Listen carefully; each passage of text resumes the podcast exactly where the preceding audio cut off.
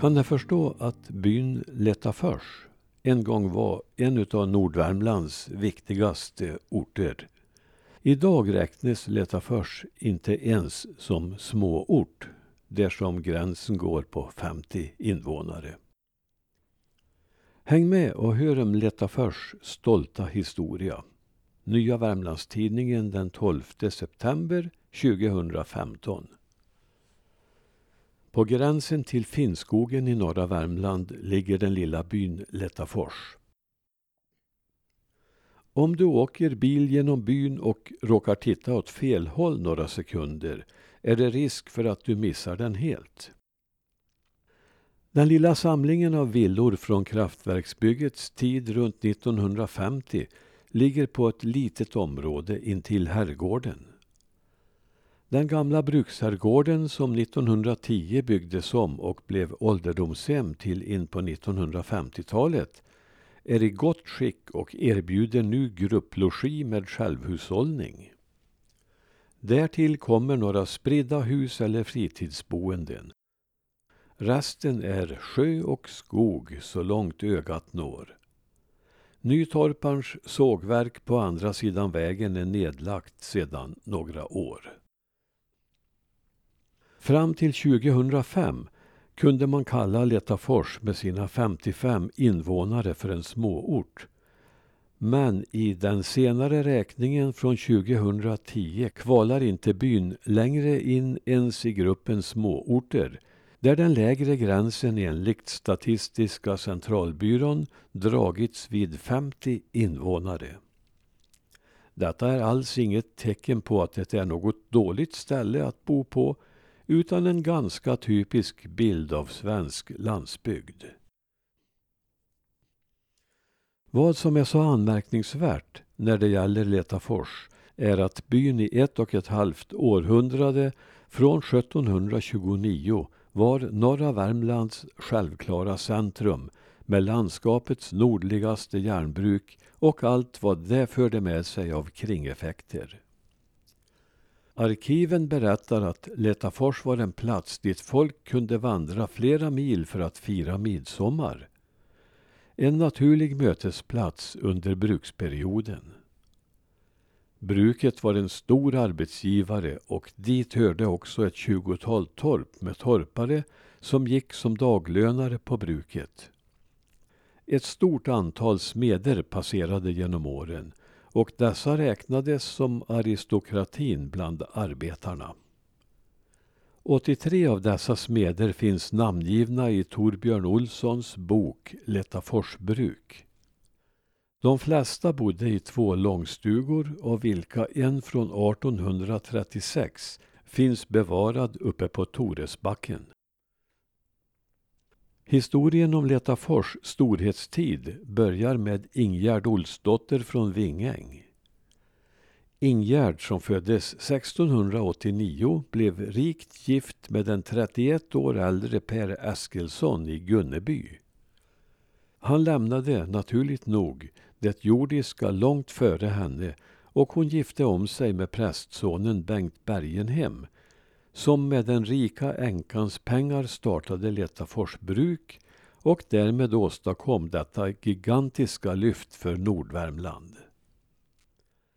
Det var 1729 som Bergenhem fick tillstånd att uppföra ett järnbruk vid sjön Lettens utlopp i Lettälven, eller Leta. Platsen där bruket först byggdes ligger nu under den uppdämda sjön Letten men det flyttades i början av 1800-talet 800 meter neråt längs Letta till nuvarande byn Letafors. Främst var bruket avsett att täcka bygdens behov men det kom att växa betydligt. Utbyggnaden av Letafors bruk blev den första stora satsningen på industri i norra Värmland. I början var benämningen Gunneby bruk eller Gunneby hammar eftersom det låg på Gunneby hemman. Och historikern Bromander nämner att namnet Letafors dyker upp i handlingarna först 1751. att bruket byggdes upp på denna avsidesplats i gränsområdet mellan svenskbygd och finnbygd, där det tidigare endast varit säterområde, kan tyckas underligt. Många var förstås skeptiska. Länge ledde bara en enkel ridstig till platsen innan vägen via Holmberget ner till Vingängsjön gjordes till körväg av patron Söderberg i början av 1800-talet. Avgörande för placeringen var tillgången till vattenkraft och närliggande skogar. För lokalt behov tillverkade man hästskor, spik, söm och andra nyttoföremål av bygdens egen myrmalm. Hemslöjdssmidet byttes mot brukets manufaktur. Snart nog började myrmalmen tryta och brukets ägare fick tillstånd att köpa järn från Uddeholmsbolagets masugnar. Dessutom rekommenderade Kommerskollegium 1738 att bruket skulle få sälja viss grövre manufaktur till Norge. Nu kunde industrialiseringsepoken i norra Värmland komma igång. Övergången från myrmalm till tackjärn blev en kostsam historia. Tackjärn och småjärn köptes från avlägsna Bergslagen varifrån det fraktades till Bersäng. Därifrån vidare i roddbåtar som stakades uppför Klarälven de åtta milen till Vingäng en mycket mödosam flodfärd som vanligtvis tog fyra dagar. Sedan blev det hästtransport över skogen till Lettafors men uppför det branta Holmberget kunde hästarna bara ta halva lass så där fick man sedan lasta om. Innan vägen över Holmberget färdigställdes skedde all transport från Klarälven på slädar vintertid. Till en början kunde man också frakta järnvaror till Norge enbart på vinterföret.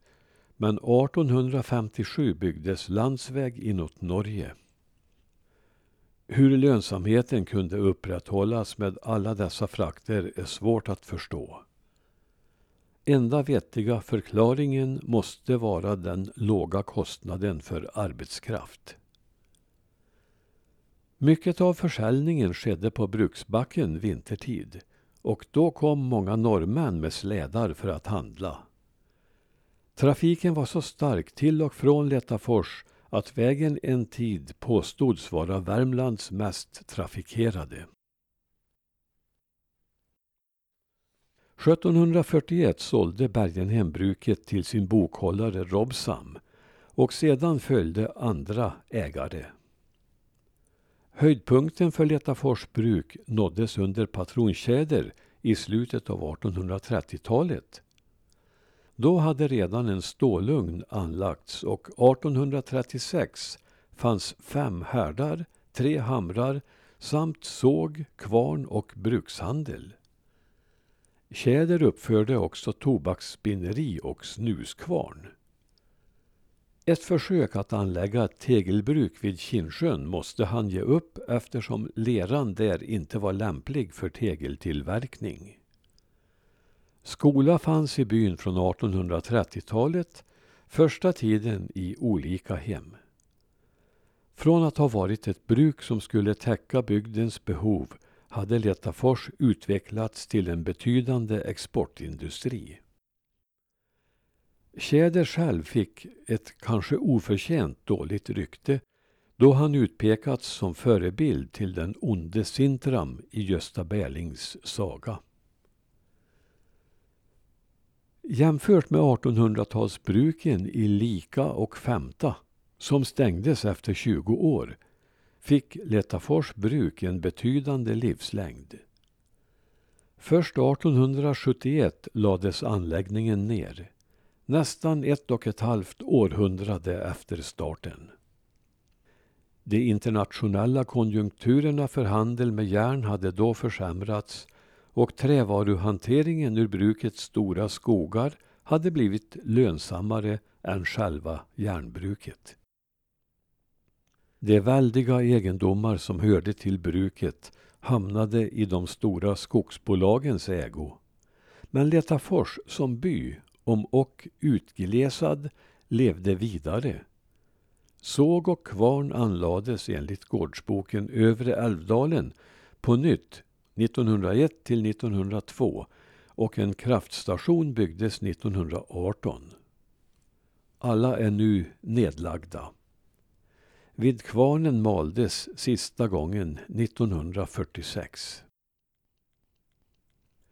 Ett nytt uppsving, fastän kortvarigt, kom då det stora Lättenkraftverket byggdes på 1950-talet. Då blev Lättafors med omnejd åter en betydande arbetsplats och då byggdes nuvarande kåkstaden med en liten grupp villor till arbetarna. Idag är det herrgården som står för pulsen i den före detta småorten. Herrgården som ännu minner om en svunnen storhetstid.